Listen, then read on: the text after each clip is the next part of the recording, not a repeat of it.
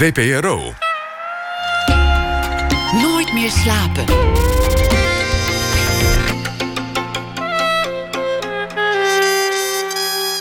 Met Clary Polak. Welkom bij Nooit meer slapen. Wie bepaalt wat je doet? Ben je zelf verantwoordelijk voor al je keuzes of speelt het lot een grote rol? De documentaire My Father's Choice probeert op deze vragen antwoord te krijgen. Na de klok van half twee spreken we met de maker, Jan Ting. En ook hoort u met welk verhaal Don Duins de week afsluit. Komend uur zit tegenover mij schrijver David Pefko... en met hem ga ik praten over zijn roman Daar komen de vliegen. Maar eerst zoek ik contact met Esther Naomi Perquin die ik vanavond mag vervangen. Want ze heeft eerder op de dag heeft zij bekendgemaakt... dat ze is gekozen als de nieuwe dichter des vaderlands. Esther, goedenacht. Dag Clary, goedenacht. Wat heb jij dat goed geheim kunnen houden? Nou, ik heb gelukkig uh, een, een pokerstem. Ik heb namelijk geen pokerface. Dus iedereen die mij aan had gekeken en de vraag had gesteld... die had ik uh, waarschijnlijk dan weggegeven. Maar uh, in mijn stem kan ik nogal wat verhullen. En ik heb dus het geluk dat ik heel weinig mensen heb gezien de afgelopen weken. Ik heb me een beetje verstopt gehouden. Hoe lang, ja, hoe lang wist je het al? Uh, ik ben in november gevraagd. En toen heb ik eerst een week bedenktijd geëist, omdat ik dacht, ik, ik, ik, ik, heb daar nooit ambitie toe gevoeld en ik moet dat allemaal combineren. En ik moet toch ook nog gewoon de wc schoonmaken en kinderen opvoeden en, en radio maken. Uh, dus de, de, praktische bezwaren heb ik even over na moeten denken. En, en toen ik eenmaal besloten had, ik ga dat doen, als het op mijn manier mag. Um, nou, toen was het rond en toen heb ik dus nog heel lang de tijd gehad om er even aan te wennen. Ja, ja je zegt, ik, ik, ik had nooit de ambitie gehad... maar blijkbaar heb je de ambitie nu wel in die week gekregen?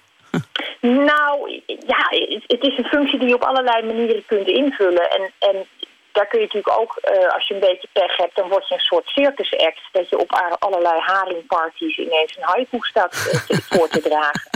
Nou, dat, dat dien je te vermijden, denk ik altijd. En... Uh, daar heb ik het wel even over gehad. Dus ik heb daar wel even de, de kans gehad om te kijken... god, wat mag ik daar eigenlijk mee? Ja. En, um, en wat nou mag je er eigenlijk mee? Want, want nou, ze hebben toch verwachtingen van een dichter des vaderlands, neem ik aan. Nee, dat is, er zitten een aantal eisen aan die gewoon staan. Je, je moet in staat zijn om in te spelen op de actualiteit. En je moet eigenlijk iets doen wat heel erg tegen het dichterschap indruist. Je moet heel snel met, met woorden komen... terwijl je daar normaal maanden op mag kouwen dichters zijn ook van die mensen die s'nachts nog wel eens wakker liggen van een komma of een punt. Hmm. Uh, hmm. Ja, die, die nemen die tijd altijd. Dat is eigenlijk een ontzettende luxe. Ja, als dichter des vaderlands kun je dat wel op je buik schrijven. Want uh, het, er kan morgen van alles gebeuren en dan, en dan, moet, je wel, dan moet je wel iets. Ja. Nou, daar verheug ik me eerlijk gezegd ook wel een beetje op. Het, het, het, het vraagt weer een heel nieuwe kant van, uh, van wat je al deed. Dus ja, dat, dat is lijkt me. gunstig. Ja. Nou moet ik jou vanavond vervangen omdat jij dichter des vaderlands bent geworden. Betekent dit dat ik jou vaker moet gaan komen vervangen de komende tijd? Of blijf je Nou. gewoon presentator van dit programma? Nee, is heel toevallig dat je vraagt. Ik zou graag naar het boekenbal willen. Dus als je dat vast even vrijhoudt. Ik zal het nee hoor, eh, ik, eh, opschrijven. ik heb direct gezegd dat mijn eh, hart ligt ontzettend bij eh, de radio. En dat komt ook omdat het eh, eigenlijk dezelfde intimiteit heeft als een gedicht. Het is iets wat buiten beeld plaatsvindt. En het is maar een selectie van wat er tussen mensen gebeurt. Je hoort alleen de stemmen. En je ziet niet de gezichten en alles wat afleidt. En de kleding en de geur. Je, je, hoort iets heel intens. Nou, en eigenlijk is een gedicht dat ook. Het is een, een, een, een heel mooie blik op iets wat nog veel meer is. En ehm, nee, ik zou radio nooit willen missen. Oké. Zelfs, niet, zelfs niet als jij daar zit. Gelukkig. Hey, je, eh, je eerste gedicht is al een feit. Is vandaag afgedrukt in NRC. Ehm, je hebt jezelf moed ingeschreven, volgens mij. Het heet eh, De Korte Cursus. Wil je het voorlezen? Ja, zal ik doen. Korte cursus. Begin. Gewoon noteren wat je hebt gezien sinds je van huis vertrok op weg naar dit moment. Naar deze woorden. Of beter nog, sinds je werd geboren. Nee, doe dat maar niet. Begin op het punt dat iemand je riep en jij deed alsof je iemand anders was... en alleen een beetje op jezelf leek, heel toevallig. Schrijf op wat er gebeurde toen je niet keek. Hoe achter je rug, een uur nadat je passeerde... de groenteboer een krat omkeerde waarin zich één mandarijn verborgen hield. Hoe die vervolgens over de stoep de straat oprolde... hoe de groenteboer vlak voor een Mercedes langs achter die mandarijn aanholde... er zelfs naar floot als naar een hond. Schrijf over wat je hebt gemist. Nee, anders. Begin eerst te noteren wat er aan de hand was op de dag dat je begon. Hoe je zomaar zonder idee van nuttigheid een zin opschreef. En zelf niet eens wist wat je bedoelde. De rest van de tijd ook niets noemenswaardigs voelde. Hoe steeds die zin zich in je zeggen bleef. Nou, heel erg bedankt voor dit voorproefje van jouw kunde en kunst. En uh, heel veel succes. Dank je wel en ik wens je een hele mooie nacht. Dank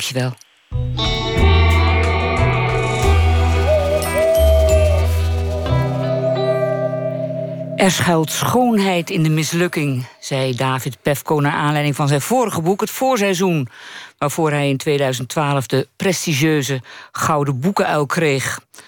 Dat boek ging over het leven van een eenzame, bierdrinkende, porno-kijkende, bordeelbezoekende vijftiger met overgewicht. Mislukken doet ook de hoofdpersoon in zijn nieuwe boek, Daar komen de vliegen. Ook nu verzon David Pefko een verhaal rond een bestaand personage. Maar daarmee houdt de vergelijking tussen de twee boeken ook echt wel op, mag ik wel zeggen, hè, David? Dat, uh, dat kan je wel zeggen, ja, ja. Er schuilt schoonheid in de mislukking. Dat klinkt mooi, maar waar schuilt de schoonheid dan in? Ja, dat is een hele goede vraag. Um... Niet bij iedere vraag zeggen hoor, dat het zulke goede vraag is. Ik, nee, wil je dat ik nee, het, nee, nee, nee, nee, daar gaan we gewoon, gaan we gewoon vanuit. Gaan we ervan ja. Waar schuilt, die schoonheid ja. in? Ja. In het gevoel wat iemand heeft als iemand gaat mislukken of mislukt is. Daar, daar schuilt een soort schoonheid in. Of het weergeven daarvan. Ik weet niet zo. Ja, ik weet niet zo goed hoe ik dat zou moeten uitleggen. Dat is echt een soort gevoel. Ja, maar het is meestal schoonheid in andermans mislukking, denk ik. Ik denk uh, dat, dat, dat, het is voor een ander misschien Ja, het is nooit mooi dat je zelf zien, als helemaal je mislukt, mislukt, bent... dat je denkt, goh, wat mooi. Uh, ja, nee, dat, dat is was, wel waar. Nee. Dus deze uitspraak geldt niet voor je eigen mislukkingen, wil ik maar zeggen. Nee, nee ik zit daar niet heel erg op te wachten. Oké, okay, goed. Jij bent 33. Ja, klopt. Dit boek um, is je vierde boek eigenlijk, hè? Ja. ja? Um, wat, wat betekent schrijven voor jou? Ik dacht een hele tijd, sinds ik uh, het voorseizoen uh, af had gemaakt, dacht ik dat het toch niet zo heel veel voor me betekende als ik dacht. Want ik begon een nieuw boek en ik kwam ontzettend vast te zitten. En ik dacht, ik wilde er eigenlijk graag vanaf, merkte ik. Maar toen ik dit boek schreef, uh, of afschreef, toen, toen merkte ik dat het echt een, gewoon een, een, hele grote liefde is. Zo kan je het ja. zeggen. Maar, maar je begon al aan een boek en dat, dat, daar wilde je eigenlijk van af. En wat heb je toen gedaan? Nou, ik begon uh, in 2013 begon ik aan, aan een boek met deze titel. Daar komen de vliegen. En dat was een heel ander boek. Het ging over een, een filmmaker die uh, een film maakt over zijn eigen leven. En die dan terugkijkt met iemand die op dat moment bij zijn leven hoorde. En um, ik was daar jaren aan bezig, leek het. Ik heb het is wel veel... een leuk idee, moet het is ik een heel leuk zeggen. idee, ja. De, de, de, doe er ook nog, ga er nog wel iets mee doen. Als iemand denkt nu van, eh, dat ga ik, ga ik doen. Dat kan dus niet. Want ik ga daar echt iets mee doen. Maar ik kwam er zo in vast te zitten. En, en terugdenkend dat ik het voorseizoen in, in een paar maanden had geschreven... en mijn debuut ook, dacht ik, er is iets niet goed. En toen heb ik eigenlijk jarenlang helemaal niks gedaan. Denkend ook dat dat, dat schrijven misschien maar... Uh, dat het schrijven een beetje voorbij is. En dat vond je uitgever ook wel een goed idee? Nee, die was, uh, die was daar niet blij mee natuurlijk. Die, uh, en, en daarnaast, ik bleef hem natuurlijk ja, om financiële steun vragen en zo. En dat, dat werd natuurlijk steeds moeilijker, want ik kwam met niks. Nee. Maar wat je nou zei, was dat je had al dat boek dat dus, mis, dat dus mislukt is. Ja. Er schuilt schoonheid in de mislukking. Maar... nou, de, deze mislukking wat minder, ja. ben ik van. Maar dat boek had dus wel deze titel. Dat, dat, verbaast mij ontzettend. Ik denk altijd bij schrijvers dat zij de titel... Ja, goed, je begint met een werktitel... maar dat ze de titel pas verzinnen als het boek klaar is... maar dat is dus niet het geval. Je, je ging voor de titel. Nee, nee. Ik kwam erachter, ik weet dat het echt raar klinkt... Want het zou heel veel moeten betekenen in zo'n titel. En helemaal zo'n rare titel misschien. Ik heb een heel klein deeltje uit het boek gebruikt. Verwerkt in het nieuwe boek. En dat bleek zo ontzettend goed te passen en zo belangrijk in het boek. Dat het, ik ga ook niet zeggen wat precies. Maar ja, het, heeft wel met vliegen te te- Dat, eh, dat, ik, dat dat eigenlijk nog beter paste in het, het vorige boek, wat er dus nooit gekomen is en ook waarschijnlijk nooit gaat komen, misschien in andere vorm. ehm, was het veel onbelangrijker en onbenulliger. Het is trouwens een zin eh, die mijn vader ooit uitsprak. Daar komen de vliegen. Ja, die, die, die, die, die, ik woonde een tijdje in Griekenland en die, het was snikheet. eh, en het was eh, het hoogtepunt van de zomer. Ik zat in Athene ergens, in de, in de, boven Athene in de bergen. En het was 41 graden. En mijn vader zat aan een tafel en die zei... Oh nee, daar komen de vliegen. het is een soort se- seizoensverandering... Ja. waarin er inderdaad heel veel vliegen komen. En die kwamen op het eten af Die komen het waarschijnlijk. eten Ja, af ja, en eh, ook, op de huid. De en zoetigheid, ja, gezweet. en, ja. eh, Ja, jouw vader is Griek, hè? Ja, klopt. Ja, en jij bent op een gegeven moment... eh, nou, vertel het zelf eigenlijk maar. Jouw vader is Griek, jouw, jouw moeder is Amsterdamse. mhm. En, eh, maar zijn al heel vroeg uit elkaar gegaan, toch? Ja, Ja. Weet niet hoe je dat weet, maar... En ja, ik heb zoveel over je gelezen. Ik weet, ik ben gek geworden over wat. Nee hoor, dat is helemaal niet. nou, Er zijn, daar gaan we het straks over hebben. Wat er allemaal over jou te lezen valt. En wat ook vooral niet. Dat is ook heel leuk. Maar, maar vertel even over, over jouw jeugd. Eh, eh, Ja, mijn vader, die, die, mijn vader was een, eh, een deserteur. Dat heb ik wel eens verteld ergens, denk ik. En die, eh, die ging zijn vakantieliefde, dat was mijn moeder, ging die achterna.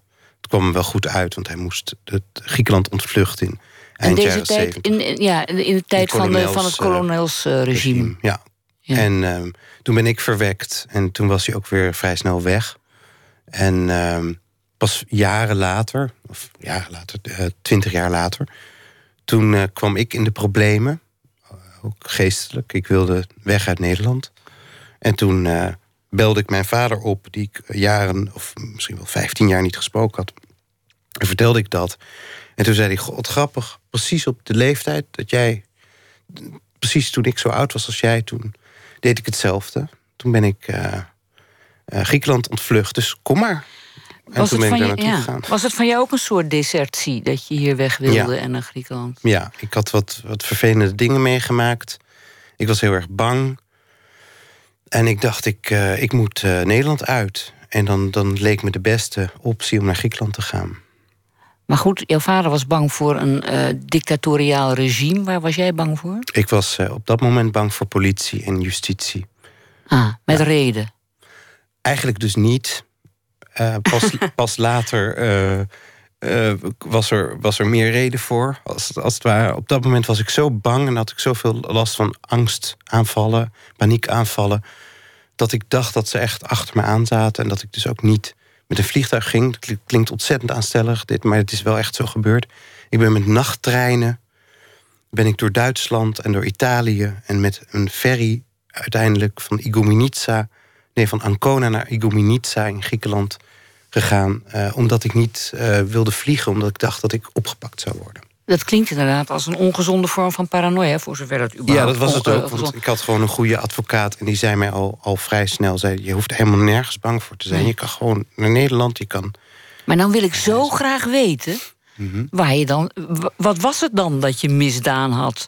Wat uiteindelijk Ik dus had niet een zo belastingprobleem. Een, een Oh. flink, flink belastingprobleem. Oh, En eh, ja, dat is heel saai eigenlijk. En, ja. Ja, maar ik was heel jong en ik was heel eh, onervaren. Dus ik, ik dacht gewoon dat ze mij wel heel erg lang zouden gaan vastzitten. En dat was het voor mij het engste wat ik kon bedenken. En voor mijn vader bleek, of bleek, dat wist ik al, was dat leger. En het, het, het ging helemaal niet om dat, om dat regime. Het ging hem erom dat hij geen wapen wilde in zijn handen wilde hebben. En niet wilde dat er mensen om hem heen waren met wapens. Juist. En hij niet opgesloten wilde zitten. Ik wilde ook niet opgesloten zitten. Ja. Maar ja, Goed, dit, dit allemaal ter verklaring van dat jij plotseling op een berg zat, waar, of nee, in Griekenland zat, waar allerlei vliegen van een berg naar beneden kwamen vliegen. En jouw vader zei: daar komen de vliegen. en dat is nu, Nu, dat ligt nu aan de later. basis van dit boek wat wij gaan bespreken. Ehm, nog eventjes over dat vorige boek, want daar heb jij ooit de Gouden Boekenuil voor gekregen Ja. in 2012. Dat is de Belgische literatuurprijs voor oorspronkelijk Nederlandse literatuur. Ehm, ehm, wat betekende het winnen van zo'n prestigieuze prijs eigenlijk voor je? ja, best veel. Ja, heel veel eigenlijk. Dat is heel bijzonder voor mij. heeft je dat nog beïnvloed bij het schrijven? Dat, dat vragen ze allemaal van. Uh, vragen ze allemaal. Oh, dat is dan weer niet zo'n goede vraag. Moet je gewoon zeggen, uh, dat is dan niet zo'n goede vraag. Moet je... Dat is nou echt niet zo'n goede vraag. nee, maar. Uh, ja, ze vragen of, of, of de, de, de eindeloze jaren die er voorbij zijn gegaan... of die te maken hebben met een bepaalde druk die ik Nou ja, met een writersblok daardoor misschien. Nee, dat is echt helemaal niet het geval. Ik was heel blij met die prijs. En, um, maar het heeft me niet uh, op die manier beïnvloed. Dat weet ik vrij zeker. Heeft het je eigenlijk uh, in Nederland uh, bekendheid, roem gebracht? Niet echt. Vroeg ik me af. Nee. Want ik, ik vraag dat omdat ik vertelde met wie ik ging praten... en toch wel een aantal mensen riep van... David Pefko... Ik denk dat je in België beroemder bent, of niet? In België is het een. ja, in België ben ik wel. Of beroemder. Ik weet niet of ik nou ja. beroemd ben daar, maar, maar wel bekender. Ja. Dat merk ik nu ook in het begin met, het, met dit nieuwe boek. Dat de Belgen hangen aan de lijn en de Nederlanders niet, uh, niet zozeer. Nee. nee. Behalve wij dan Behalve natuurlijk jullie weer. natuurlijk. Ja, ja, maar jullie. Ja. ja. Je, je, je, werd, je werd door Wim Brands wel prompt benoemd tot een van de 60 belangrijkste schrijvers van het land. Ja. Uh, um, is, is, is dat een gilde waar je uh, bij wil horen, inderdaad? Ik, uh, ik heb dat boek van, van, van, van Wim Brands, heb ik, maar ik, ik weet niet zo goed meer wie daarbij hoorde. als ik eerlijk ben. Nee. Maar uh, ik vond dat Wim Brands een goede smaak had.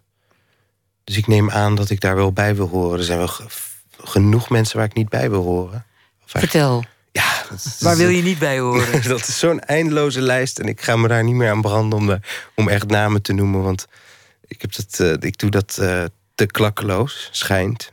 Dat ik mijn collega's afbrand. Oh ja. Doe je dat? Ja, dat doe ik wel. Oh. Noem er eens één. Nee. nee, flauw. Goed, laten we het hebben over je roman. Het is een uh, roman waarvan uh, de hoofdpersoon uh, Jerry Kirschenbaum heet. Um, ik zei al in de, in, in de inleiding dat het een. ja, dat, het, dat, het, dat je het verzonnen is rond een bestaand personage. Ja. En het is ook vrij duidelijk wie dat personage is, want dat is Bernie Madoff. De Amerikaanse zakenman die decennia lang duizenden klanten oplichtte. Uh, die hun geld, ik geloof dat het miljarden en miljarden dollars waren, bij zijn beursfonds parkeerde. Um, deze Madoff is in 2009 veroordeeld tot 150 jaar cel. Wat fascineert je aan deze Bernie Madoff? Ja, werkelijk alles. Uh, ik, ik herinner me nog dat ik in 2008 2009 eigenlijk was dat meer. Dat ik, dat, ik uh, dat nieuws zag dat hij opgepakt was en die beelden van hem. Daarbuiten dat appartement. En dat hij toen een huisarrest kreeg van vele maanden. En ik heb dat allemaal toen gezien. En dat kwam op dat moment. Uh, ja, die fascinatie was omdat, ik, omdat het dus een. Het was een oplichter. Ik heb een soort van fascinatie voor, voor, voor oplichters of voor criminelen. En voornamelijk dan oplichters.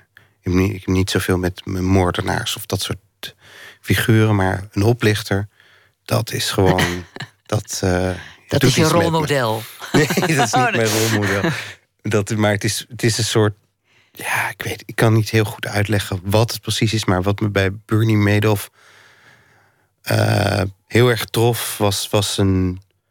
Tenminste, wat ik zag, een soort kwetsbaarheid en zijn, um, zijn enorme dat, dat verhaal dat ontrafelde zich langzamer, wat hij dan gedaan had. En dan elke dag was er in het nieuws een, groter schandaal. Tot ik las dat hij nooit een aandeel verhandeld had.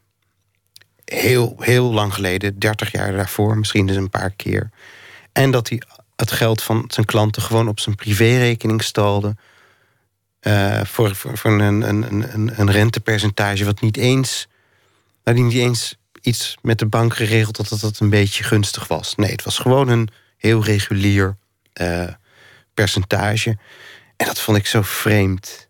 En uh, ja, dat, dat is in mijn hoofd gebleven. Ja, maar ja. toen heb je nog niet meteen bedacht... daar moet ik een boek over schrijven. Nee, dat is pas later gekomen toen ik... Um, toen ik een kort verhaal moest schrijven voor uh, Das Magazine. Een, een bundel, die heette De Tien. Dat ging dan over de tien schrij tien schrijvers uh, uit België en uit Nederland. Ik moest een kort verhaal, het moest een beetje een flink verhaal zijn, 4000, 5000 woorden. En ik ben heel slecht met deadlines. Het komt altijd op het allerlaatste moment bij mij. En toen had ik nog 24 uur. Toen moest ik met iets komen. En op een of andere manier kwam deze Jerry Kirschenbaum kwam, kwam er. En toen had ik dat verhaal geschreven... terwijl ik vreselijk vast zat in dat andere Daar komende vliegenboek... wat er dus nooit gaat komen. Mhm. En na dat kort verhaal... ehm, ben ik uit een soort hobbyisme, een beetje, voor mezelf... daaromheen gaan schrijven. En op een dag dacht ik, jeetje, dit wordt een roman. En toen heb ik het in één rit afgemaakt. Ja. Het is ook echt een roman. Het gaat niet zozeer eh, eh, om wat hij gedaan heeft, eh, hè, of wat Madoff gedaan heeft. Het is, het is niet een soort van, van, van eh, beurs. beurs eh, ja, hoe zou ik zeggen, aanwijzing voor beginners of zo. Het, daar heb je het eigenlijk nauwelijks over. Nee. Het gaat je om de karakters, het karakter van deze man en zijn omgeving. Klopt, dat? Ja, ja. Ja, wat, want wat, wat vind je, behalve dat je deze man fascinerend vindt, maar je maakt ook heel veel werk van zijn omgeving. Zijn vrouw, zijn chauffeur, zijn vrienden, eh, dat soort dingen. Ja, ik wilde een heel compleet beeld neerzetten. Ik vond het heel jammer om, om maar door, door alleen maar zijn ogen iets te laten zien of een soort alziende verteller eh, te presenteren die ook nog eh, heel erg belerend over de beurs en, en, en over de, de, de economie eh, zou gaan vertellen en alles uit de kast zou halen op dat gebied. Dus ik wilde het, het moest echt een, ook een familieboek worden. Ja, het, het moest echt over de karakters Het moest gaan. echt over die karakters gaan. Ja, en dat- over die familie. Hoe zou je die familie omschrijven? ja, een, een, een op het oog zeer respectabele. Ja, een respectabele familie. Een, ehm, niet zozeer een chique familie. Ook geen. Het is, het is een soort nieuw-oud geldfamilie. Zo zou je het moeten zien. Want het is niet nieuw nieuw geld. En het geld bestond ook helemaal niet in wezen. Ze hadden eigenlijk helemaal geen geld. Maar een. ehm, ja, wel een, een, een familie met, met hun eigen problemen. En eigenlijk een hele Amerikaanse klassieke familie van, van een, met, met een, een succesvolle eh, man aan het roer en een, eh, ook een succesvolle vrouw. Ja. Die, Wat je, nu, wat je nu weglaat in de beschrijving, Hm. is wat ik, wat, waar het boek eigenlijk mee begint, is dat het een klassiek Joodse Amerikaanse familie is. dat zou er ook nog dat, even dat, want dat, dat, ja. Dat, dat speelt een hele grote rol eigenlijk Ja. in dat boek. Ja. Waarom is dat? Waarom is dat? Dat is eigenlijk omdat. eh, kijk, Bernie Madoff was Joods. Zijn vrouw was Joods. En eh, ik ben zelf Joods en ik ken het milieu. En het, het Joodse New York is gewoon een heel, vind, vond ik tenminste, een heel aantrekkelijk eh, iets om over te schrijven. Waarom? Ja, waarom? Omdat het zo. Het is heerlijk vet en het is heerlijk. ehm, ja, vet is toch wel echt, denk ik, het woord ervoor. Want het is niet zomaar een Joods milieu, het is een Amerikaans Joods milieu. Het is een Amerikaanse. Ja, ja. Dus dat, dat, dat maakt wel een verschil. Het is, al, het is overdreven rijk, het is overdreven. Ja. Het is eigenlijk overdreven in alles een beetje. Het is enorm groot. Het, is heel, ehm, het, het laat heel, veel- wil heel veel laten zien. Het is eh, heel overdreven goed. En eh, ja, onder, onder alles dus overdreven slecht ook. In het Ja. boek. Daar komt het op neer. Overdreven slecht. Oké, Ja. dan gaan we daarna gaan we dat, dan gaan we na het nieuws van één uur gaan we daarover verder praten. Hoe overdreven slecht het allemaal is en wie daar allemaal een rol in spelen. En dat is niet inderdaad alleen maar Jerry Kirschenbaum, maar zijn hele familie. Dus dat is straks na het nieuws eh, van eh, één uur. U hoort dan ook een gesprek met regisseur Jan Ting Yuen over haar ego-documentaire My Father's Choice. En Don Duins praat u bij over het nieuws van de afgelopen dag. Na het nieuws dus, van 1 uur tot zo.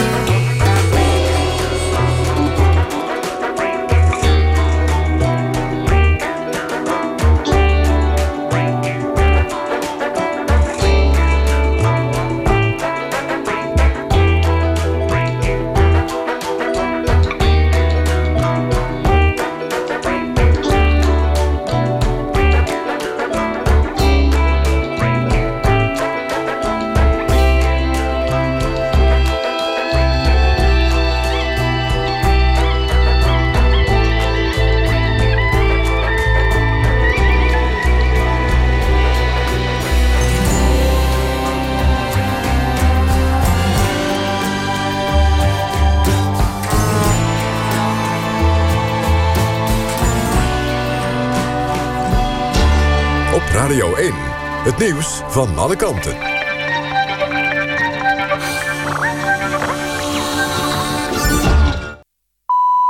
1 uur, Christian Bonenbakker met het NOS Journaal. De VS gaat vluchtelingen extreem streng doorlichten. President Trump heeft een decreet met die strekking ondertekend in het Pentagon. Met de maatregel wilde hij het aantal vluchtelingen verminderen... en terroristen buiten de deur houden. Trump zei dat alleen vluchtelingen welkom zijn die de VS steunen... en die van de Amerikanen houden. Syrische christenen krijgen daarbij prioriteit. Een hardere opstelling tegenover de NAVO en de VN komt er voorlopig niet, zegt een voorzitter van een functionaris van het Witte Huis. De New York Times had geschreven dat ook daarover een decreet in de maak is. In Echt in Limburg zijn de bewoners van 16 huizen urenlang geëvacueerd geweest na de vondst van een hoeveelheid springstof. De politie kwam het spul vanmiddag tegen tijdens het doorzoeken van een huis. Naast springstof lagen, er ook vuurwapens, munitie en drugs. De spullen zijn in beslag genomen, er is niemand aangehouden.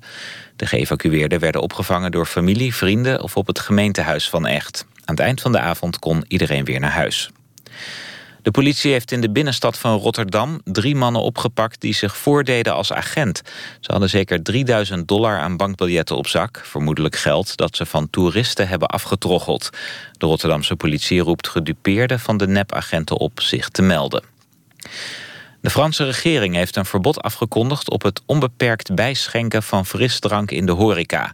De nieuwe maatregel geldt overal, van fastfoodketens tot schoolkantines. Frankrijk heeft al een frisdranktax en een verbod op frisdrankautomaten op scholen. In de nieuwe wet is het verboden om gratis frisdrank met suiker aan te bieden... en ook om onbeperkt fris te schenken voor een vaste prijs. Doel van de maatregel is het tegengaan van overgewicht.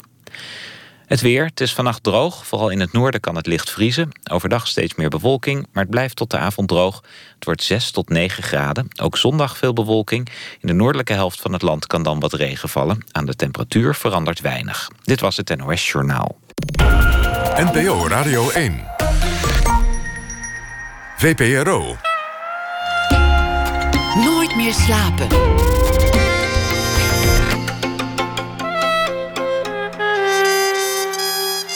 Met Clary Polak.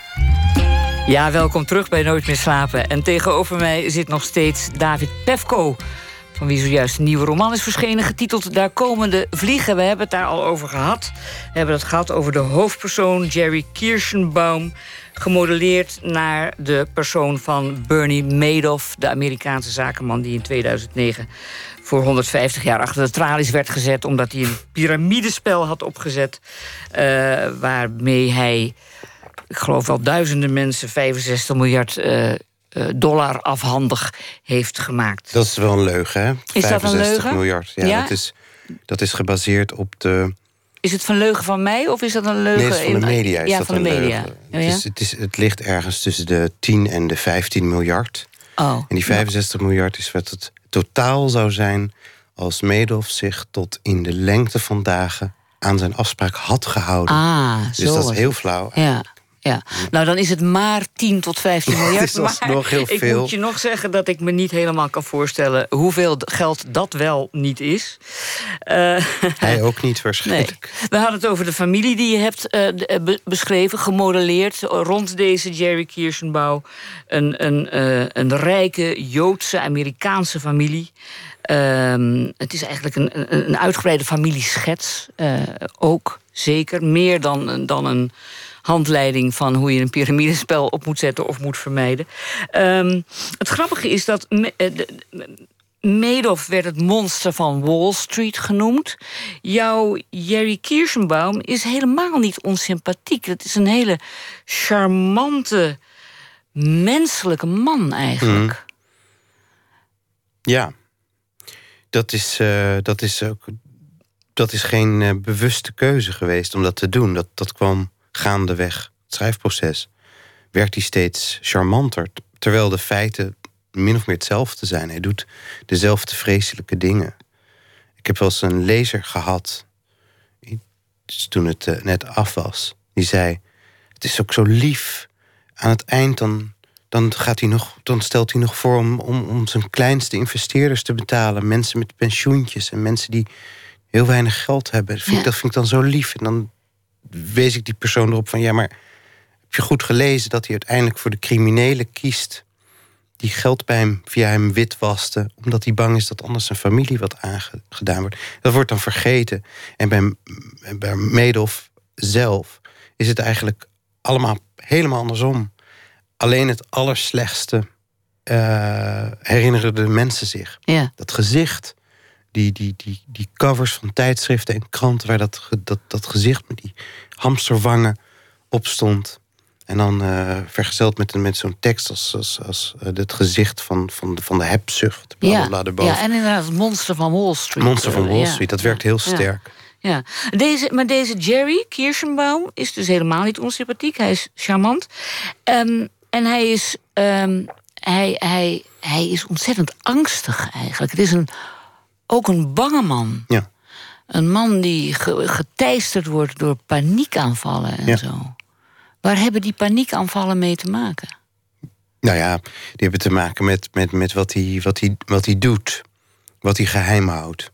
Hmm. En uh, ik denk dat, dat, dat Bernie Madoff zelf daar zelf gigantische last van heeft gehad. Ja, ja die, die zat ook onder de kalmeringspillen, geloof ik. Nou, dat, dat lees je nergens. Of dat heb ik eigenlijk maar één keer gehoord... dat hij dat in een politierapport stond ergens... dat hij om een kalmeringspil had gevraagd. Een kalmeringspil die hij vaker slikte. Voor de rest wordt dat helemaal dan weggehouden. Mm. Maar deze man moet uh, slapeloze nachten gehad hebben. Dat kan niet anders. Ja.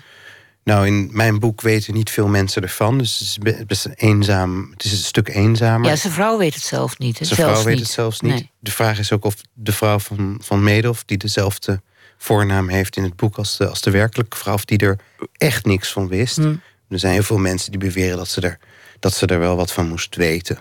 Ja. Maar toen het fout liep, dat Bernie dan alle schuld op zich nam. En in mijn geval uh, weet ze er weet je ook niet goed of ze het nou wel weet, weet of niet. Nee, nee, nee, nou ja. Ja, nou oh, oh, goed. Ik dacht, te, ik dacht te dat begrijpen dat ze het echt niet wist. maar maar uh, misschien ook wel. Ja, aan de andere kant, ze, is wel, ze heeft een enorme drankverslaving, blijkt te hebben en te ontwikkelen in de loop van het boek. ja, ja, ja. dus misschien wist ze toch wel. Dus er is een soort spanningsopbouw ook bij haar, maar dat komt misschien ook wel omdat ze ziet dat haar man zo dat, dat, dat het echt heel slecht met hem gaat opeens. Ja. Die mensen zijn um, 40 jaar, 50 jaar getrouwd. Dus die, die kennen elkaar, zou je zeggen, toch best wel goed. Ja. En uh, Bernie Madoff en, en Ruth Madoff waren ook uh, net zo lang getrouwd. Dan neem je toch aan uh, dat je kan aanvoelen of iemand nou ja, in groot gevaar leeft of, of niet, of in angst. Ja. Iets dergelijks. Waarom heb je eigenlijk voor Jerry wel een naam bedacht en voor Ruth niet, kleine vrouw? Omdat ik de naam Jerry Kirschenbaum gewoon een veel betere naam vind voor Bernie Madoff. het, het klinkt lekkerder, het is niet zo hard, het klinkt iets chiquer. Uh, het is meer wat Bernie Madoff zou willen zijn geweest, denk ik. En Ruth vond je wel passen bij Ruth? Ja, vind ik gewoon een geweldige naam. Ja. Beschrijf haar eens. Althans, de figuur uit jouw boek, beschrijf haar eens. Een, uh, een, een, een, toch wel hele... Ja, een, een tegelijkertijd hele harde en, en hele zachte vrouw. Een, um, en toch een weldoener. Ze, ze, ze doneert als een gek, maar dat doet iedereen die rijk is natuurlijk. In, Amerika. Ja, veel kunst hè, ook. Nou, ze verzamelt nee, ze kunst. verzamelt kunst en Ja. ze doneert aan allerlei goede doelen, inderdaad. Joodse Eh, goede doelen. Dus een huisvesting voor, voor Joodse vrouwen en eh, educatie en weet ik veel wat. En ze heeft een, zo'n begeleid wonen project voor haar, eh, voor haar gehandicapte zoon. Maar daar komen we misschien nog straks op. Ja. Een hele, ja, hoe zou je het zeggen? Een, een, ja, toch wel een hele. Ik vind, ik vind het een hele charmante vrouw. Ik vind, het, ik vind haar ook een beetje. Ik vind haar ook zielig. eh, in alles. Maar ik vind haar ook wel sterk. Ik vind haar een, een sterke vrouw. Ja. Het is, je zegt, ik vind er ook zielig. Je hebt voor al je personen, hoofdpersoon, nou, bij alle, alle perso- personages eigenlijk een soort van compassie, lijkt het wel, als schrijver van dit boek. Dat Je beschrijft, ze, ja, je beschrijft ze met enige compassie, toch? Ja, Waar Ja. komt die. Ja, omdat eh, eh, de stukken. De stukken waaruit. Kijk, het boek is gek opgedeeld. Het is opgedeeld in de stukken vanuit Jerry Kirschenbaum... en dan de stukken vanuit zijn vrouw, zijn chauffeur... eh, een paar investeerders, een, een, een werknemer van hem. En eigenlijk zijn die stukken, hoewel ze in de derde persoon zijn... zijn ze heel erg vanuit eh, de persoon waar het om gaat. En Ja, je hebt die personages nodig om eigenlijk een beeld te schetsen van Jerry Kiersbaum. Ook, ja. ja. Maar ik bedoel eh, dat, ik dat ik ook als schrijver een soort. Het, die mensen hebben zelf een soort compassie. Zichzelf. Dat, dat denk dat je dat voelt. Ze, er zijn erbij die zichzelf ook best wel zielig vinden. Er zit zo'n een investeerder in die Aaron Friedland heet. Ja, die gaat helemaal de mist in.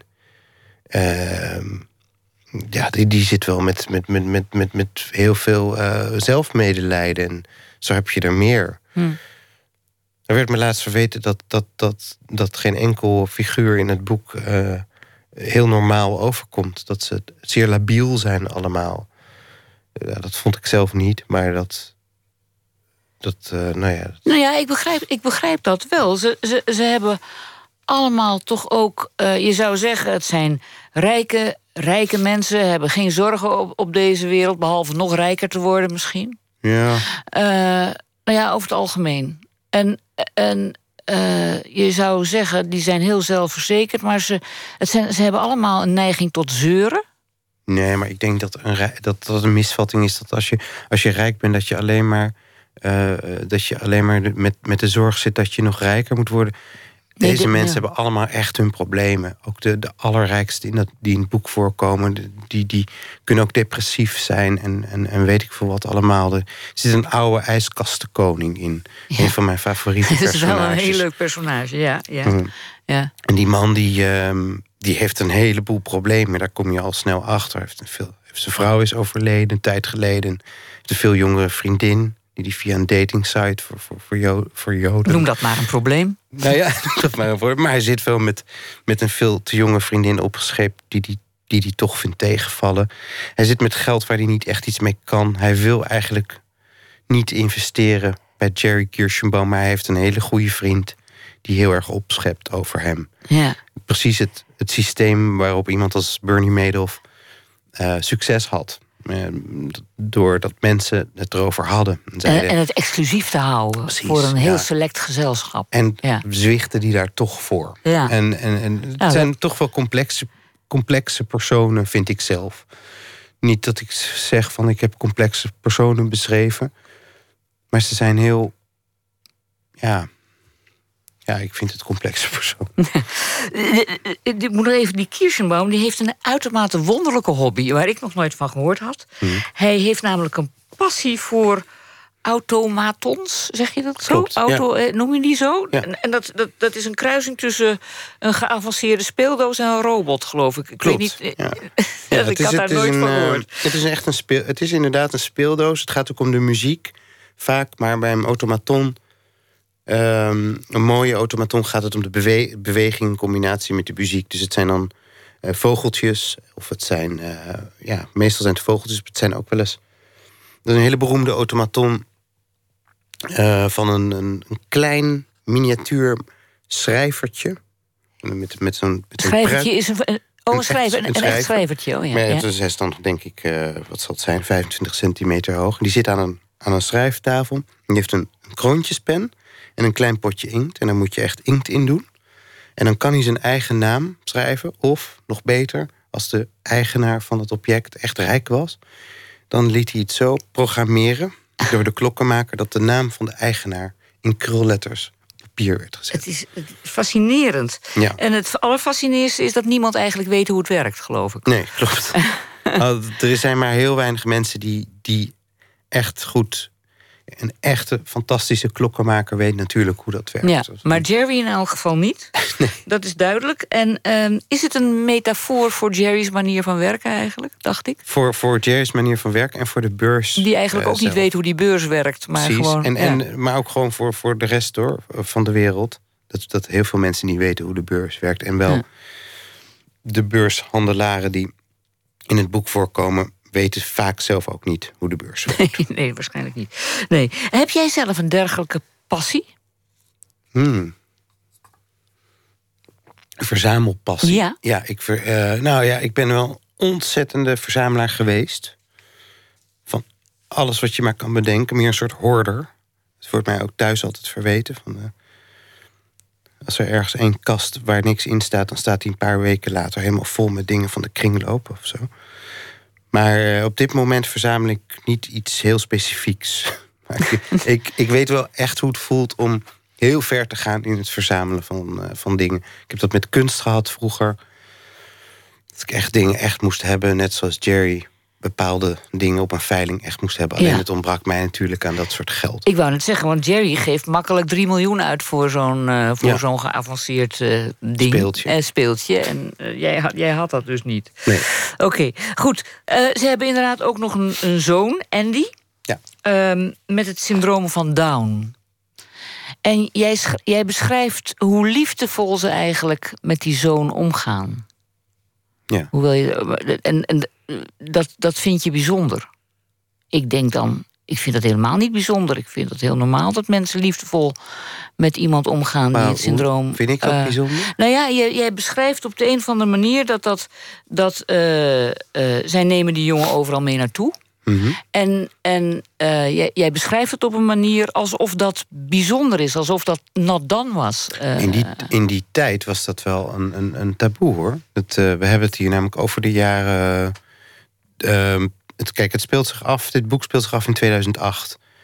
Jerry is dan al in 40, de ja. 70, dus het is dan. Oh, sorry, eh, Andy is 40. en die is ja. 40, Ja. dus, dus als ze daarmee begonnen, dan, dan was het eh, 1960 of zo, 1970, laten we zeggen Hmm. 1970. Toen was dat nog best een taboe.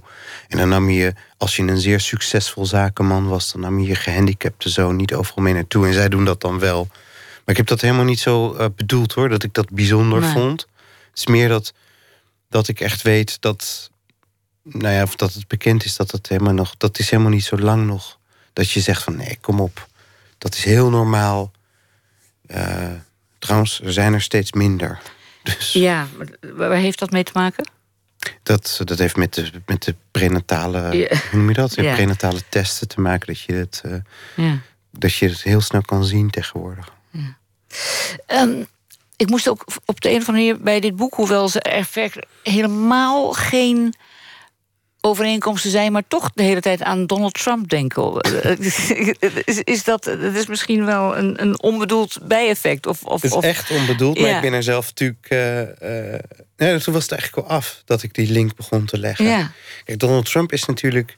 Dat is veel zieker en veel, echt veel gestoorder. En die is ook niet sympathiek Die is, die is niet sympathiek. Ja, Nee. op een bepaalde manier vind ik hem toch zo, zelfs wel heel ontroerend soms. Hm.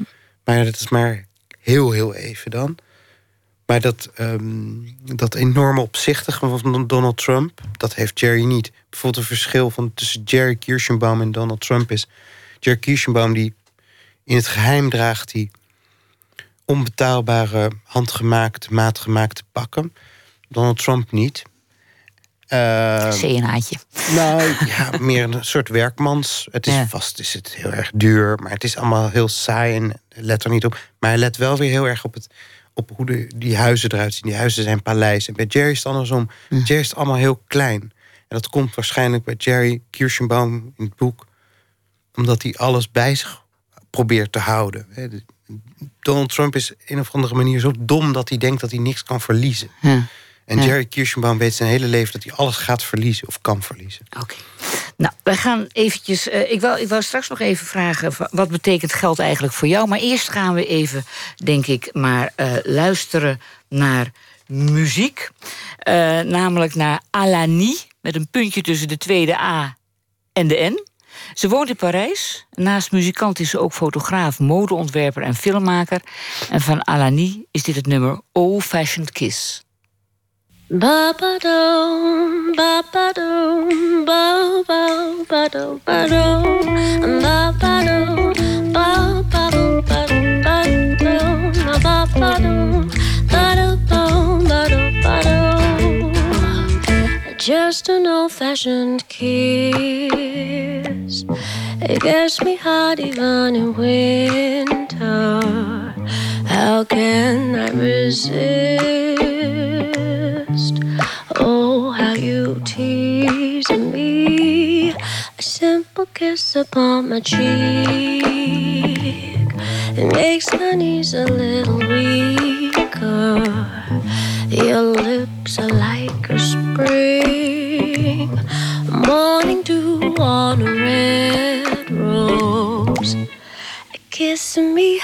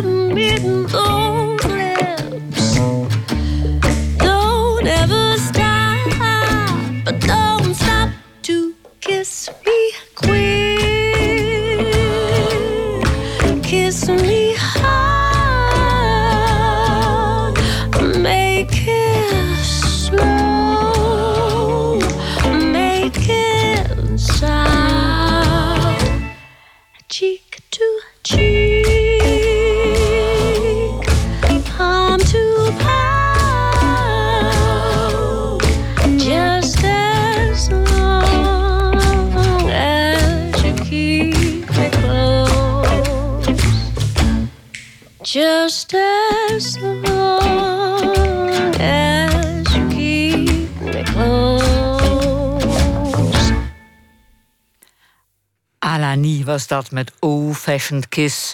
En dat komt van haar album You and I. Tegenover mij zit David Pefko. Aanleiding is zijn nieuwe roman Daar komen de vliegen. Daar hebben we het ook o- de- eh, tot nu toe over gehad. Ik wil het eigenlijk even ehm, afsluiten. Want ik vind gewoon dat mensen hem maar moeten lezen. Hè, want anders dan... Ja, eh, zonde. ja, anders Ja. is het zonde. Eh, maar ik wil wel even toch weten... we hebben het dan over de, de hele tijd over geld... en over al die rijke stinkers in Amerika. Wat betekent geld voor jou? Ja. Ik denk wel eens eh, dat dat geld eh, een heel, heel groot deel van mijn leven heel erg moeilijk heeft gemaakt.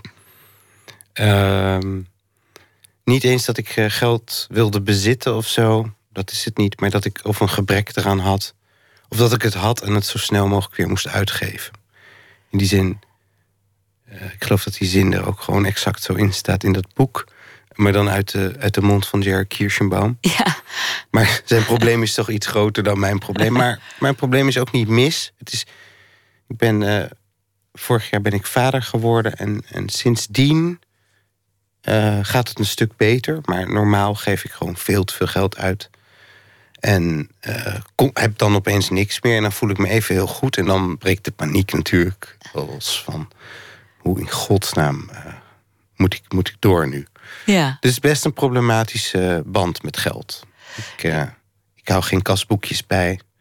En ik, eh, ja, ik vind het heel prettig om gewoon geld uit te geven en daar niet bij, bij na te denken. En Dus- ik denk dus- dan dat het kan, maar dat kan niet. Dus de kans is groot dat de Belastingdienst binnenkort weer bij je aanklopt. En Ja, dat dat je dan ze- weer naar, naar Griekenland moet vluchten. Of, Nee, dat hebben ze al genoeg gedaan. Ja, hoor. oh. Dus dat, eh, dat, nee, dat, dat, dat zal niet meer gebeuren nu. Maar wie weet gebeurt het weer. Eigenlijk is het heel dom om nu te gaan zeggen op de, op de radio. Nou, weet je, Maakt niet uit. de Belastingdienst die hebben zelf zo ontzettend veel problemen op Ik dit las moment. het Die eh, vandaag niet. en ik was er eigenlijk heel blij om. Ik dacht, Ja. nou, dat is een zorg minder dan. ja, kijk maar uit. Nou zou ik zeker ophouden met de, de Ja. Belastingdienst uit, uit te dagen. Ja. Hey, wat, zijn er dingen die jij herkent in, in, in Madoff in, of in Kirschenbaum? Jawel. waar wat dan? Eh, het, ehm, dat, eh, het, het, het, het mani- de manier van het, van het verkopen eh, van, van, van niks. En het, eh, de manier van mensen overtuigen. Dat, dat, dat is iets wat ik ook wel goed ken en kan. Daar heb ik ook wel ook wel best wel wat aan gehad vroeger. Verklaar je nou. Het Nou, nee. verkopen van niks. Eh, Nou ja, Medoff was heel erg goed in, het, in, in, in, in zijn praatjes.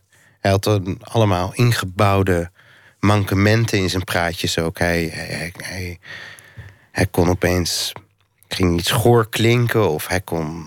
Hij wist gewoon alle nuances van een, van een, van een soort, soort verleidingspoging. Hij wist, hij wist dat. En ik heb er ook wel redelijk verstand van.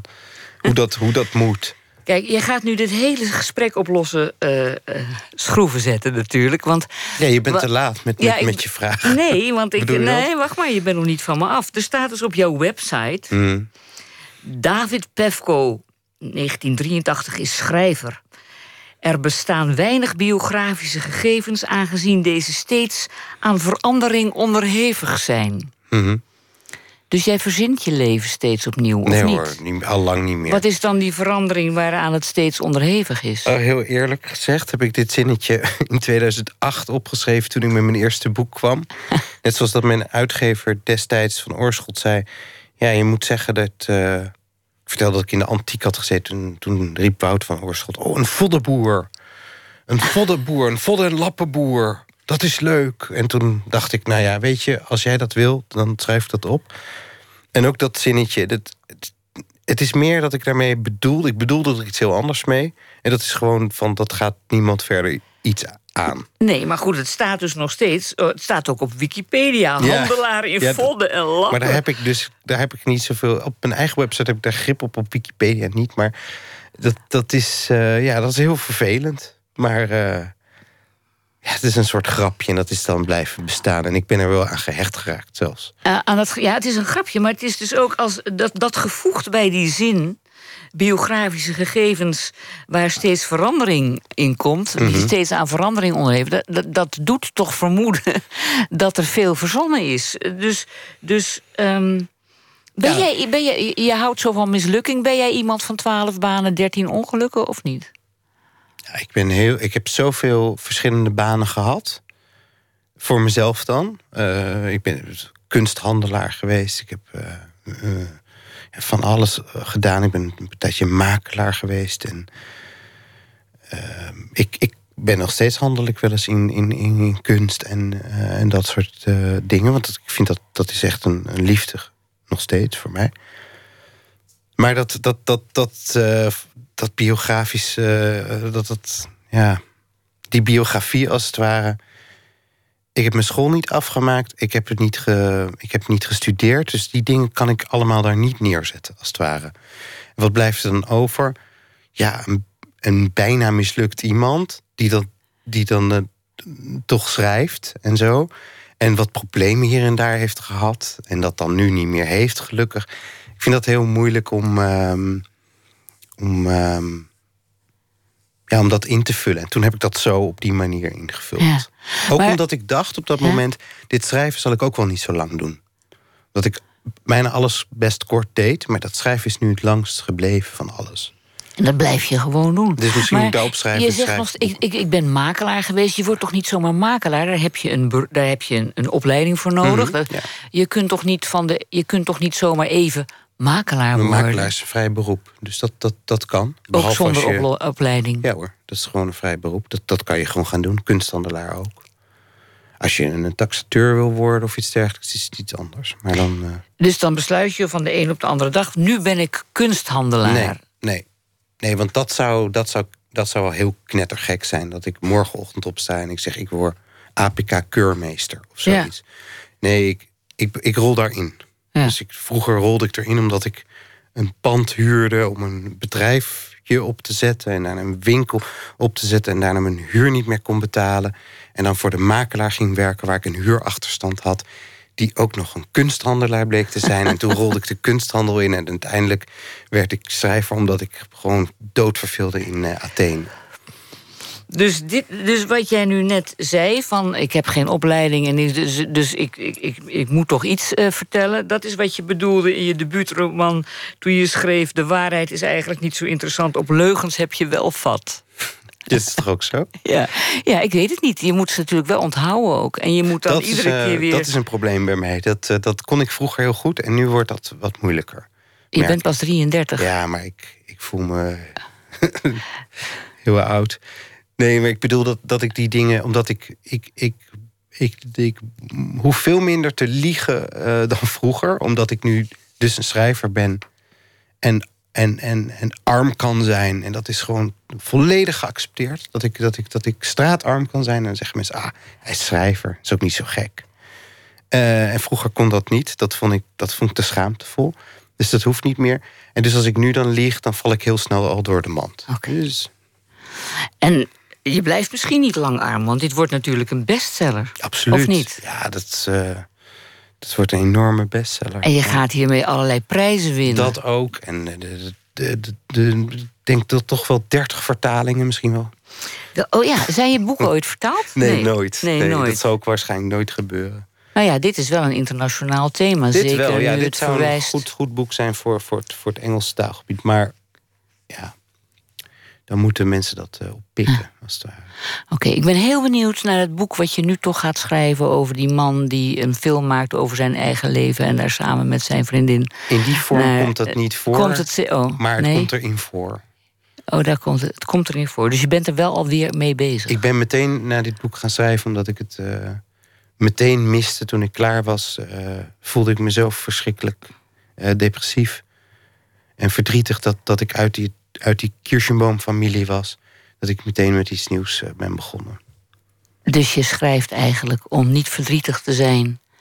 Dat Over het verlies net, over het verlies van, van een boek pagina's. dat je, net, dat je net hebt afgemaakt. Ja, daar komt het op neer. En dan Ja. hopelijk eh, komt het dan tot, tot echt plezier in het nieuwe boek. Ik wil je heel hartelijk danken voor dit Dank gesprek. En eh, nou, het boek is in iedere boekhandel wel inmiddels te Zeker, krijgen. hè. Sinds, sinds gisteren, geloof ik. Ja. Daar komen de vliegen. Van David Pefko. Dank je wel. Dank je.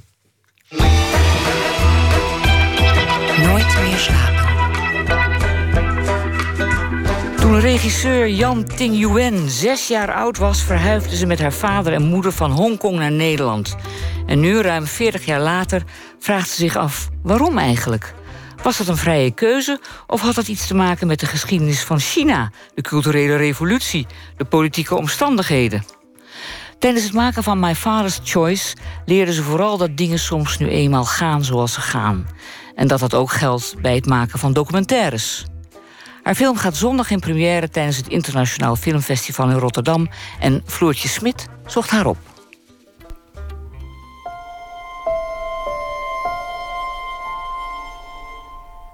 Speciaal voor haar documentaire keerde Jan Tin Yuen terug naar Maastricht. Naar het restaurant dat ooit van haar ouders was. Asia heette het. Er wordt verbouwd. Het is leeg. De plafonds zijn gestut. Nou, ik herkende onmiddellijk de plek van de tap. Eh, dus dat, eh, het, het dinergedeelte. Op de trap, daar lag nog het oude vinyl en, nou ja, en, nog heel veel stukken behang, zeg maar, wat, wat ik nog herkende van vroeger. De details die je dan gelijk terug eh, eigenlijk in, in de periode van toen.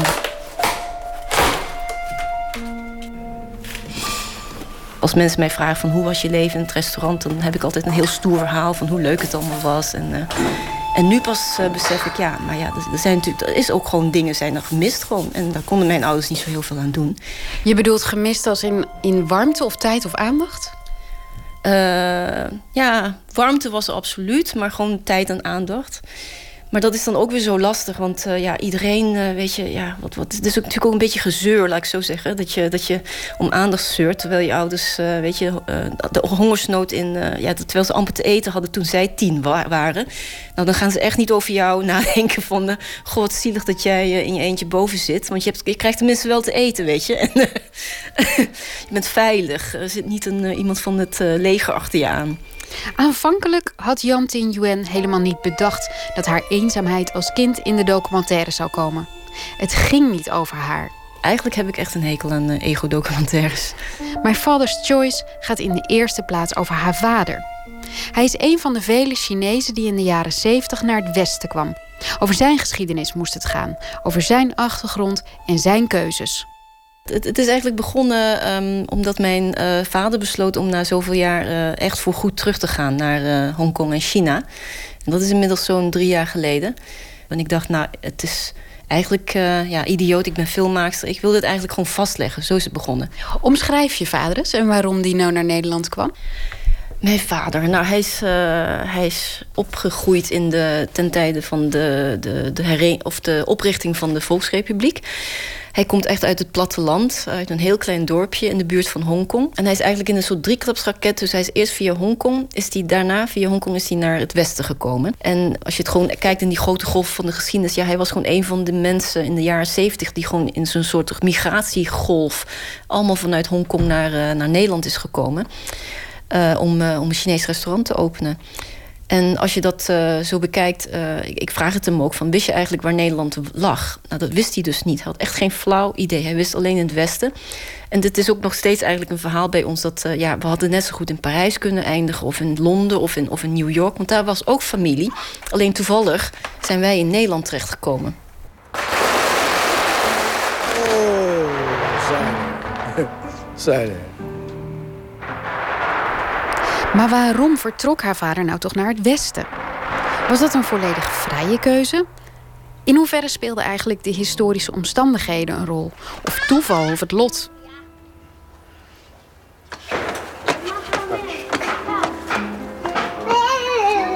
En zo slecht had hij het niet in Hongkong. Waarom wilde hij dan toch weg? Ja, ik, ik wist het gewoon niet. Ik, ik wist het serieus niet. Want ik, ik heb altijd een beetje. Ik, ik wist dat hij niet een grote dissident was. Maar ik dacht, er moet toch wel iets. Er moet toch wel een hele grote reden zijn voordat je je kind gewoon. en je, je vrouw meeneemt en, en zo uh, parachuteert in, in het Westen. Maar ja, die was het dus gewoon niet. Dus dat is heel wonderbaarlijk. Maar, maar, maar goed, als je dan daarover nadenkt. Ja, maar heel vaak. Ja, god, hoeveel keuzes heb je in je leven die er echt toe doen? Dat kun je eigenlijk van tevoren natuurlijk ook niet echt inschatten.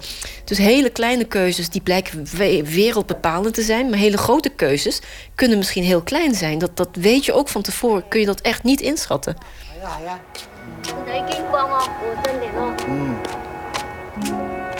Ik, ik denk, ik, uh, ik, ik begon deze film met heel veel vragen. Van waarom dit, waarom dat, waarom doe je dit, waarom? Echt heel westers eigenlijk. Ik, wil, ik heb vragen en ik wil antwoorden, klaar. Heel erg eenduidig in een hokje. Maar dan blijkt uh, dat dat, um, uh, ja, dat, dat is natuurlijk niet zo. Plus uh, dat, die, die, dat Oosterse gevoel wat erin zit natuurlijk... Dat, wat in heel mijn familie zit en ook in mijn achtergrond... dat is toch dat je soms ook dingen moet laten gaan. Dat, dat, niet, elke antwoord een vraag, een, dat niet op elke vraag een antwoord is. En dat het soms ook gewoon, gewoon goed is om gewoon naast elkaar te zitten... en niks te zeggen. Waarom moet het allemaal zo uitgesproken worden? Waarom moet je voor elk probleem naar een therapeut gelijk? En... en ja, gewoon een jaar lang een therapie, dikke therapie. Terwijl, uh, ja, het hoeft niet. Nou wil ik niet zeggen dat het niet goed is om in therapie te gaan. Maar het is, ik vind het wel opvallend dat in Hongkong... zijn er echt meer uh, artsen uh, op, uh, op, op tandheelkundig gebied. En op, op, als je een, een, nagel hebt gebroken, kan je ook naar de dokter. En in, werkelijk in elk winkelcentrum hebben ze een dokter voor iets. Maar psycholoog of therapeuten, nee, echt um, om een handvol te tellen is het. Ah, lekker.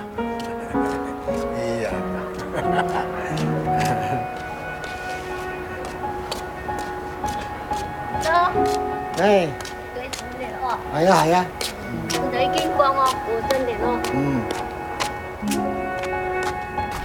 Dus, um, maar misschien is het ook wel echt zo met dit soort uh, ja, wat, wat intiemere portretten van je familie. Ja, op een gegeven moment kun je als regisseur ook niet meer doen dan een beetje loslaten. Want het, het gaat gewoon zoals het gaat. En dat heb ik nu wel voor het eerst heel erg meegemaakt. Dat, uh, Kijk, als, als documentairemaker, je, je volgt natuurlijk de werkelijkheid. Maar je hebt toch nog steeds als, als regisseur aardig de, de teugels in handen. Althans, dat hoop je. En, um, maar bij deze film heb ik heel veel moeten vrijlaten. Zo van, oké, dan moet ik er maar in. Oké, dan doet mijn vader maar dit. En oké, dan gaat het verhaal maar zoals het gaat. Was dat vervelend, moeilijk? Ja, verschrikkelijk. nee, is heel vervelend.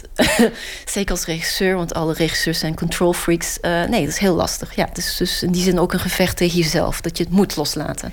Eh, ik heb heel veel familieleden die, eh, waarvan ik dacht, eh, nou dan gaan we dit doen. En, en nou, ze deden in ieder geval allemaal iets wat ik niet wilde. Maar het, het grappige is wel, ook mijn moeder bijvoorbeeld. ik, ik, kijk, mijn moeder is natuurlijk de ondersteunende, als ik het in filmtermen bekijk, zij is de ondersteunende personage van mijn vader. En, en op een gegeven moment dan gaat zij gewoon dat hele gesprek naar mij toe uh, draaien. Van ja, maar wat vind jij dan van Jan Ting? En waarom, doe, waarom doe jij dat dan? En, en waarom film jij? En, dus, dus ik krijg ook wel enorm veel terug, zeg maar. Ik, ik, ik kan wel met al mijn vragen komen, maar het blijkt dat mijn familie net zoveel vragen heeft voor mij. Van waarom ben ik filmmaker geworden? Waarom verdien ik geen geld zoals al die andere familieleden? Zoals het, zoals het hoort.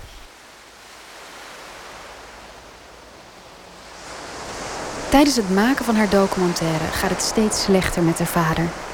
Hij overlijdt in november, terwijl zij net de laatste hand legt aan de montage van haar film. Het is nog een verhaallijn die erin sloop. In My Father's Choice zie je ook een dochter die haar laatste kans grijpt om haar vader alles te vragen wat ze nog wilde weten. En dat vond ik wel het mooie. Eigenlijk alles in deze film is organisch ontstaan. Het, het was niet de bedoeling dat uh, uh, ja, die verhaallijn van komen vader en dochter bij elkaar... Dat, dat was niet een verhaallijn. Dat is het geworden. Uh, dat, uh, ja, dat, dat het de laatste kans is dat ik hem nog überhaupt kon kan spreken. Dat ik hem nog echt ja, kan draaien, nu die nog gezond was. Dus dat was niet oorspronkelijk de bedoeling. En dat is wel allemaal gewoon heel mooi bij elkaar gekomen nu. Heeft hij het nog kunnen zien? Nee, nee, nee. Ik, heb het hem ook ik, ik wist dat het eraan zat te komen. Hij was het laatste jaar al heel erg ziek. Dus tijdens de laatste jaar montage heb ik gewoon constant ben ik op en neer gevlogen naar Hongkong.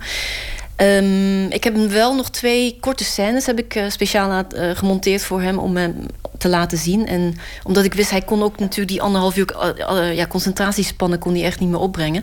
Dus ik, ik had expres gewoon echt twee keer twee minuten of zo voor hem gemaakt. En toen aan hem gevraagd van, ja, wil je dan even naar kijken? En toen zei hij heel cryptisch, ik heb geen tijd meer. En toen heb ik het erbij laten zitten. Hij wilde het niet, hij heeft geen tijd meer. Het is goed zo. Je zei, ik had allemaal vragen, kreeg er helemaal geen antwoord op. Heeft het toch op een of andere manier... Eh, is het dan toch bevredigend, zo'n film? Uh, ja, ja. Het, het, was natuurlijk eigenlijk een soort rouwproces uiteindelijk... als je het nu zo bekijkt. En plus, uh, ja, iemand zei dat heel mooi. mijn, de, de, de man die, de Mark Lin die de geluidsmix deed... die zei dat dat, ja, eigenlijk... Eigenlijk is deze hele film een gesprek tussen mij en mijn vader. Alleen het is wel eenzijdig. Ik praat tegen hem en hij praat niet tegen mij. Maar ja, blijkbaar is dat dan gewoon onze manier van communiceren. Dat, dat, en ik moet zeggen dat, dat ja. Althans, heel veel dingen die spelen aan de, aan de, aan de, onder die oppervlakte, dat, dat ligt bij mij. Dat ligt in principe niet bij hem. Nou, zo kun je misschien een beetje um, vergelijken. Dat ik in die zin dan toch mijn gesprek heb gehad met mijn vader op mijn manier. En hij heeft een gesprek met mij gehad op zijn manier. Want hij heeft meegedaan deze film. Heeft alles gedaan wat ik wilde. En echt heeft heel erg zijn best ook gedaan. Terwijl ik wist dat hij ziek was. Dus uh, ja, dat is het dan.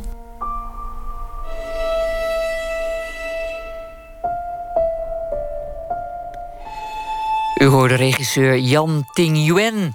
Haar documentaire My Father's Choice is de komende week nog een aantal keren te zien tijdens het Internationaal Filmfestival in Rotterdam.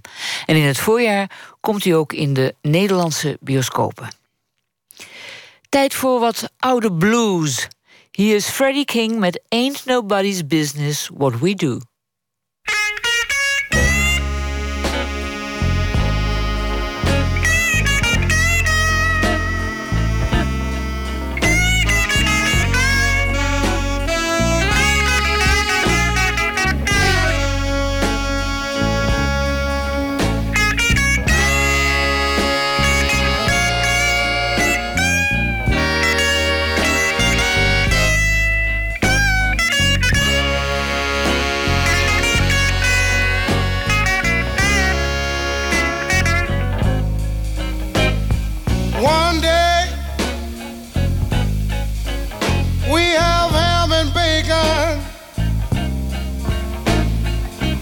next day.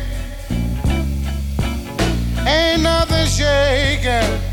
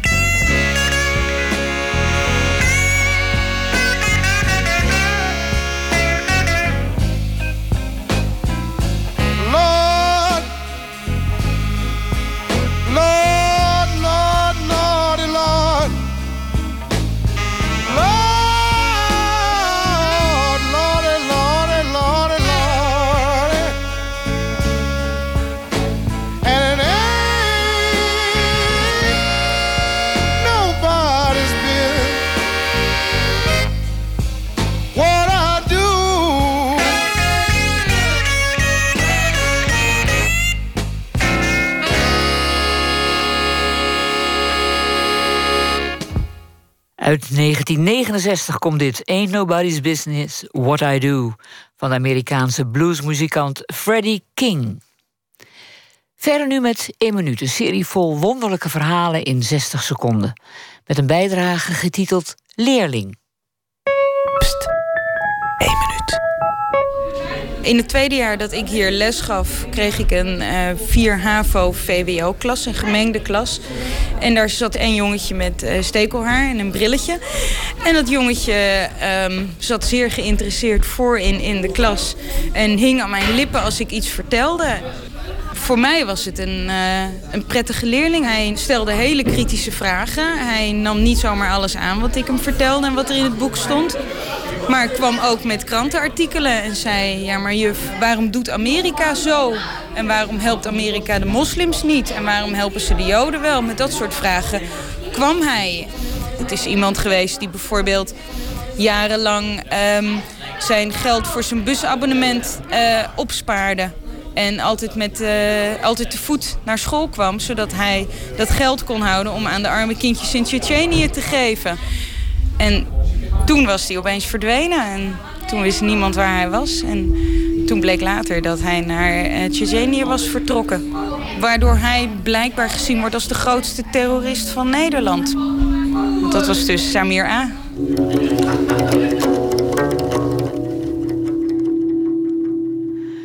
U hoorde 1 minuut, gemaakt door Jair Stijn. Deze minuut werd opgenomen kort nadat Samir A. was veroordeeld tot negen jaar celstraf voor het voorbereiden van een terreuraanslag. Sinds 2013 is hij weer op vrije voeten.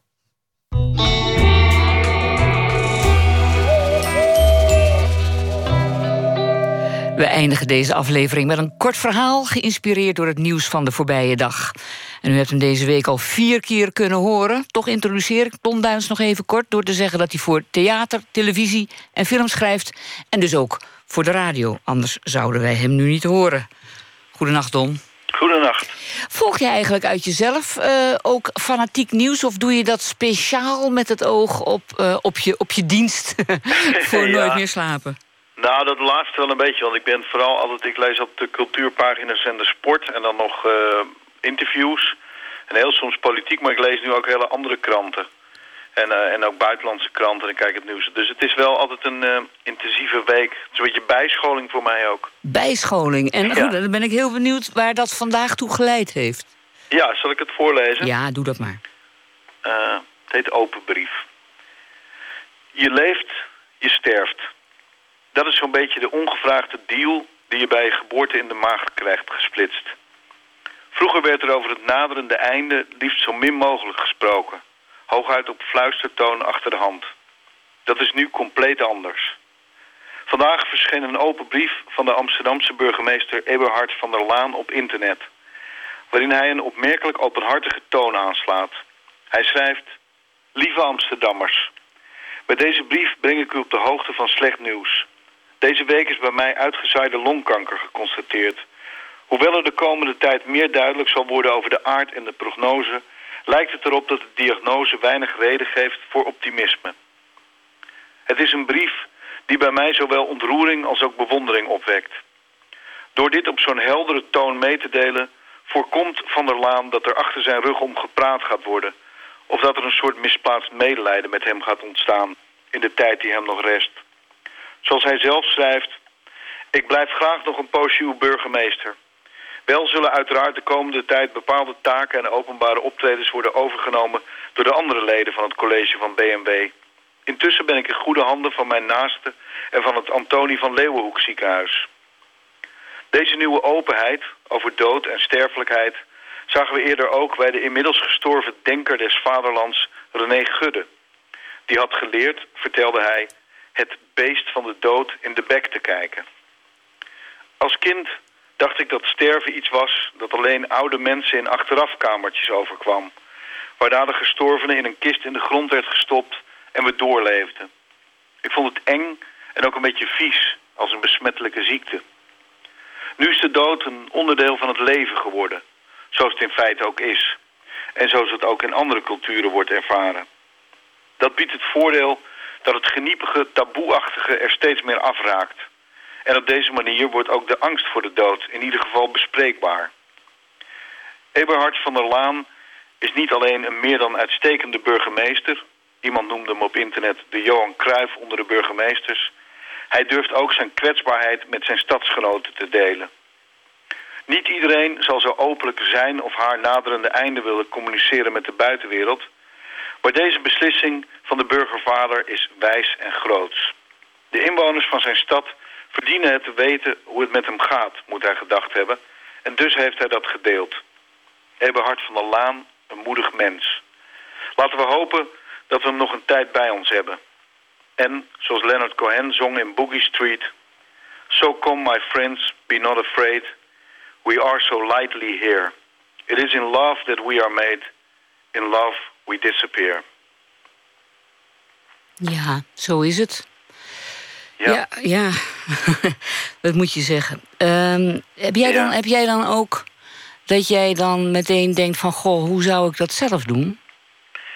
Dat eigenlijk niet. Het was meer dat ik, ja, wat ik ook zeg, dat ik er bewondering voor heb hoe hij dat aanpakt. En dat het ook zo opent met lieve Amsterdammers en, en eh, op een, eh, ja, een hele authentieke manier. Dat, nee, ik, ik heb natuurlijk ook geen officiële functie en ik, ik weet niet of ik het... Ik, ik weet niet of ik dat eh, bijvoorbeeld op Facebook meteen zou zetten, zo- zo'n uh, naarbericht. Nee. Nee. Maar ik zou het er ook niet heel geheimzinnig over doen. Ik denk dat dit eh, zeker voor hem een goede manier is.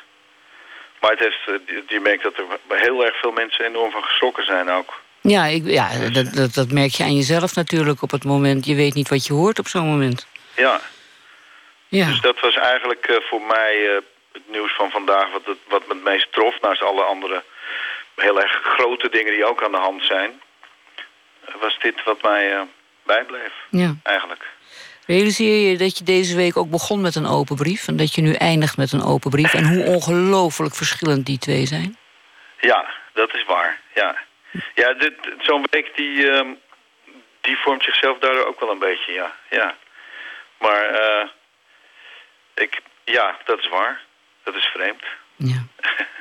hey, ik dank je heel hartelijk voor eh, dat je ons in elk geval eh, mee hebt genomen... in het nieuws van de afgelopen week... en eh, ons nu ook even weer bepaald hebt bij, bij, bij leven en, en, en dood... en hoe je je daartoe kunt verhouden, in elk geval. Dank je wel, Don Duins. Goedenacht. Goedenacht.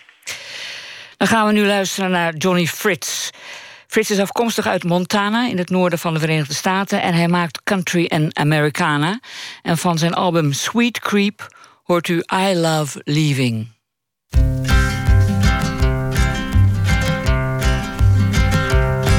Oh, classical music is so clarinetty. I love meatballs, but don't like spaghetti. It makes me so tired, and I wanna be ready. I love being ready to go. Oh, and I love to have to leave at the drop of a hat. I'm ready to go in seconds flat. Ready to go, hey, I know about that. I love being ready to go. Oh, and I love leaving throwing everything in the truck, fishing through the glove box and the radio, and letting the hood slam shut. And I love and playing Tetris with the things in the van, circling the block till we get the right spot, and honking at my friends.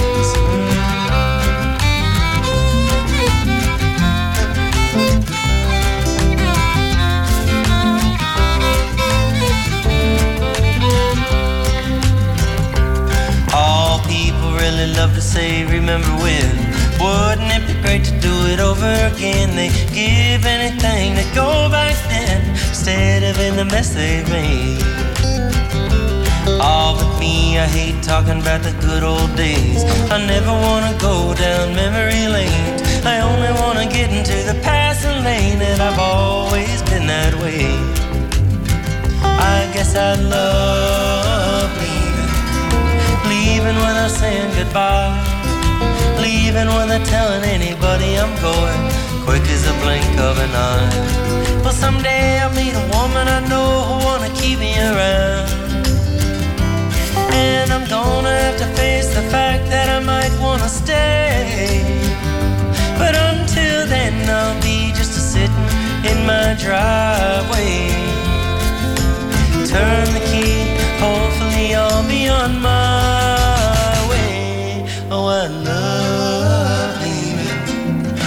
leaving all my troubles behind. I guess I'm getting that age when turning the page is easier than learning my lines.